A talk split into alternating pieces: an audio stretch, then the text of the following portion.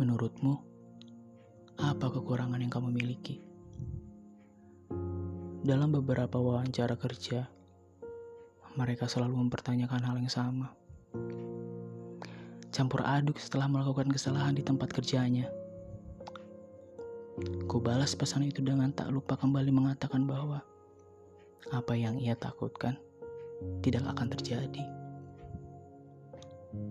Setelah semua wawancara kerja selesai, aku semakin sering memikirkan jawabannya. Saat sebelum tertidur, apa ya kekuranganku? Banyak sekali. Begitulah jawaban dari bagian lain di dalam diriku yang sering sekali membuatku tersandung realita. Semacam ucapan-ucapan negatif di dalam kepala. Ia selalu saja dengan mudah berhasil menjatuhkan semangatku. Dan setelah ku hitung-hitung lagi, memang ada banyak kekurangan yang kumiliki. Mulai dari ketakutanku berbicara kepada orang baru, hingga keraguanku dalam memilih apa yang baik dan buruk untuk diriku sendiri. Akhir-akhir ini, aku banyak berkontemplasi untuk mencari jawaban atas kekurangan-kekurangan yang kumiliki. Dan ternyata tak ada salahnya untuk memiliki kekurangan diri.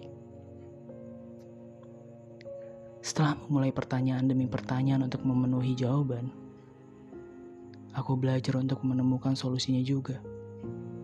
Seperti ketika aku paham bahwa aku sering takut berbicara kepada orang baru.